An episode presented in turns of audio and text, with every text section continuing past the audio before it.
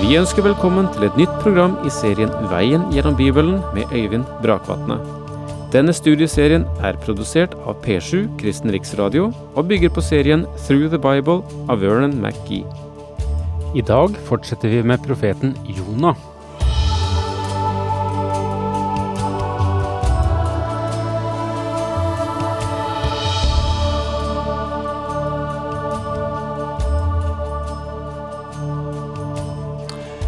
Det er visse vers i Skriften som vi eh, hver for oss henger fast ved.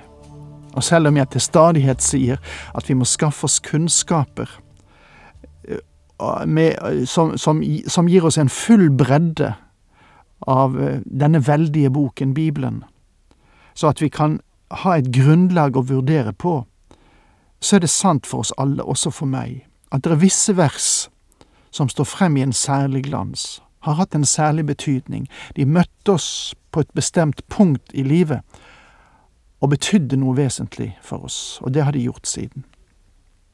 Et av disse vers er det som vi brukte hele forrige bibeltime på, nemlig det første vers i kapittel tre i Jonaboken, der det sto Herrens ord kom til Jonah for annen gang.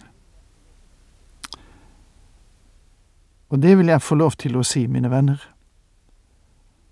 Om det ikke var slik at Gud ville komme annen gang og tredje gang og fjerde gang, så hadde vi aldri kunne blitt stående. For vår ulydighet og mye av det som hefter ved oss, skiller oss fra det å gjøre Guds vilje fullt og helt. Men Gud gir ikke opp.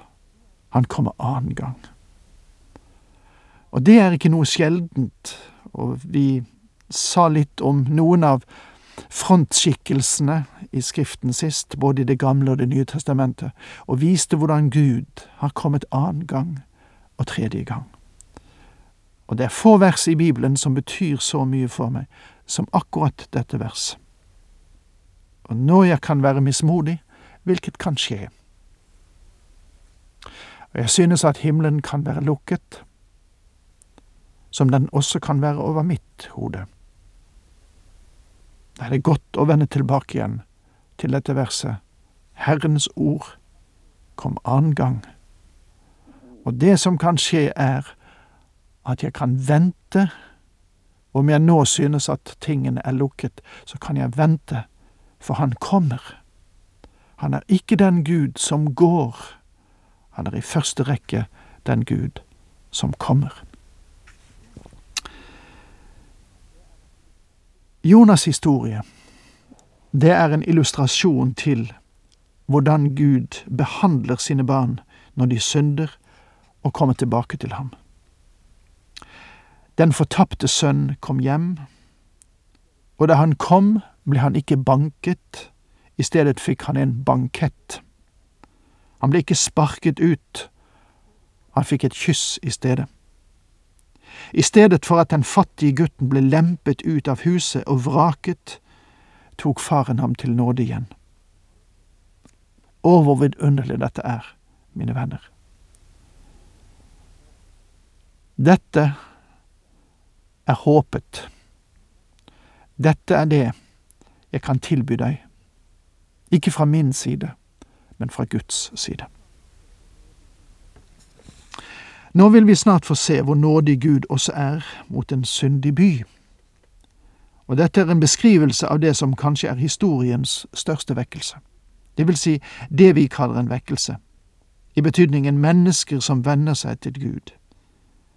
Og det som hendte i Ninive, gjør det som hendte på pinsedag, eh, når det gjelder antall, til en liten affære. Noen få tusen, tre tusen står det, vendte seg til Gud på pinsedag. Men det var flere hundre tusen mennesker i Nineve som vendte seg til Gud. Aldri har det vært noe som kan sammenlignes med dette. En hel by, ja faktisk et helt område, vendte seg til Gud. Ingen andre har heller sett det henne. Apostelen Paulus ble aldri i en by så lenge at han fikk se alle omvendt. Han forkynte bare ordet og dro så videre til neste by. Ingen helt fra den dag og frem til nå har sett en så mektig gjerning av Guds ånd som det som fant sted i Ninive, så langt tilbake i tiden. Det er interessant å legge merke til alt dette hendte i Ninive før kirken eller menigheten dukket opp på verdensarenaen. Og den aller største vekkelse vil finne sted etter at menigheten har forlatt jorden. Du forstår det, min venn, at Gud er ganske enkelt ikke avhengig av kirken. Strengt tatt.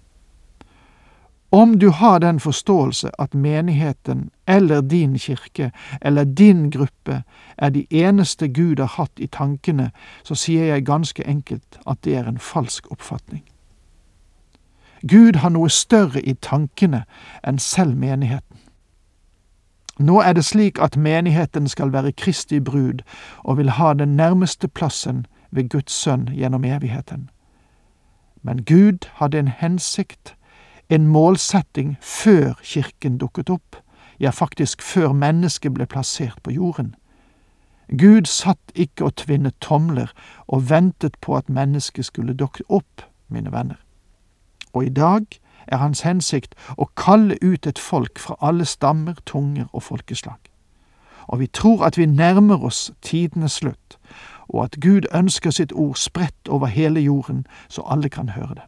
Men den største vekkelse, den største omvendelsesprosess til Gud i historien, ligger i fremtiden. Og tildragelsen i Ninneve er bare et svakt bilde av det. Og nå går vi inn i teksten igjen, kapittel tre i Jonaboken, vers to. Stå opp, gå til storbyen Ninneve, og rop ut over den det budskap jeg gir deg. Det er tidligere sagt her i Jonaboken at byen Ninive var en storby. Det står i vers to i åpningskapitlet. Og det siste verset i Jonaboken understreker det samme. Skulle da ikke jeg være bedrøvet over storbyen Ninive, hvor det bor mer enn tolv ganger ti tusen mennesker som ikke vet forskjell på høyre og venstre, og hvor det også finnes en mengde dyr.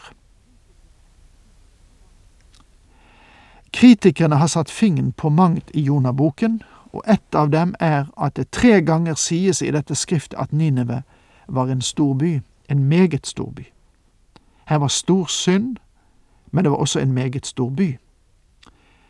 Men man visste ikke noe om dette stedet før 1845, da Layar, en franskmann, var den første som gransket ruinene etter denne store byen og George Smith grov ut det gamle Nineve.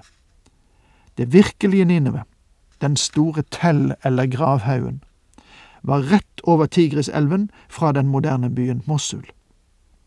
Den var bygget som et trapes som var ca. tre og en halv kilometer lang og ca. 2 km bred. Det er et ganske stort område, men det er ikke tilstrekkelig for de mål som Jonaboken oppgir. Byen Ninive lå nemlig på en slette som omtrent var helt omgitt av elver. Tigriselven rant fram mot et punkt der den møtte den øvre Sabelven, og formet en V-formet dal mellom de to elvene, og nord for dem var det en fjellkjede. Hele dette området var derfor beskyttet av naturlige forskansninger og begrensninger i form av elver og fjell. Det var flere større byer anlagt i dette området. Ninive var plassert ved Tigriselven, og i kløften der Øvre Sabelven støtte sammen med Tigris og Kala, som de kalles i Skriften, lå ruinene etter Nimrod. Kala lå ca. 25-26 km sydøst for Ninive. Byen Korshabad lå ca. 17 km nordøst for Ninive, ved Shab-elven. Dette uttrykket av Jonah, at Ninive var en storby, lyder fremmed i en tid da byen var omgitt av en bymur, og derfor med nødvendighet var små og kompakte. Det som overrasker mange mennesker når de kommer til Jerusalem, er at denne byen, omgitt av murer, er så liten. Og den var enda mindre på Kristi tid, og var enda mindre enn det på Davids tid i forhold til i dag. Datidens byer var svært kompakte, sammentrengt. Det var ment å være en beskyttelse for mennesker som levde utenfor, og som kunne komme inn og finne beskyttelse om området ble beleiret.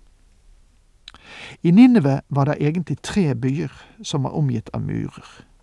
Det egentlige Ninive, og i tillegg Kala og Korshabad. Ninive ble hovedstaden, og hele dette området ble kjent under hovedstadens navn. I denne meget fruktbare dalen bodde det altså mange mennesker som under beleiring flyktet inn i disse byene. Og de forteller oss at en av årsakene til at Ninive falt, ikke skyldtes fiende fra utsiden, men primært fordi at en flodbølge rev vekk en stor del av bymuren. Det er ganske interessant at når du går tilbake til første Mosebok, så står det fra dette landet dro han til Assur og bygde Ninive, Rehobot Ir og Kala og Resen mellom Ninive og Kala. Det er den store byen. Første Mosebok, kapittel 10, versene 11 og 12. Gjennom hele Guds ord blir størrelsen på denne byen understreket. Hele dette området får navnet Nineve fordi den var hovedstad. En av de gamle skrivere, Stesias, beskriver Nineve som en by som hadde en omkrets på 480 stadier. Det vil bety at byens omkrets var ca. 89 kilometer. Så vi forstår at Ninive var en meget stor by som egentlig bestod av flere sentra. Det vil være noe i likhet med det vi forestiller oss når vi taler om Stor-Oslo eller Stor-Bergen. Og det omfatter mye mer enn det som var innenfor de gamle bygrensene. Nineve var en storby, stor i omkrets og stor i ondskap. Denne byen var skyldig i de samme synder som vi leser om i de andre profetbøkene, synder som førte Guds dom over folkene. Også i profeten Amos og Hosea finner vi at årsaken til Guds dom over folket var deres luksusliv og seksuelle umoral, på grunn av deres gudløse musikk og på grunn av deres drukkenskap. Det samme kunne bli sagt om Ninneve. De var i hendene på avgudsdyrkelse, deres brutalitet og ondskap mot fiendene var ubeskrivelig, og grov umoral florerte over hele byen. Og her var det sannelig kvinner, vin og sang, med brudulje og bordell. Det var dette som markerte livspulsen, for ikke å si dødspulsen, i Nineve. Det er til denne storbyen at Jonah nå ble kalt til å dra og gjøre sin tjeneste. Jonah sto opp og gikk til Nineve, som Herren hadde sagt. Ninive var en stor by for Gud, tre dagsreiser lang. Og med det sitatet må vi faktisk si Takk for nå, Herren med deg.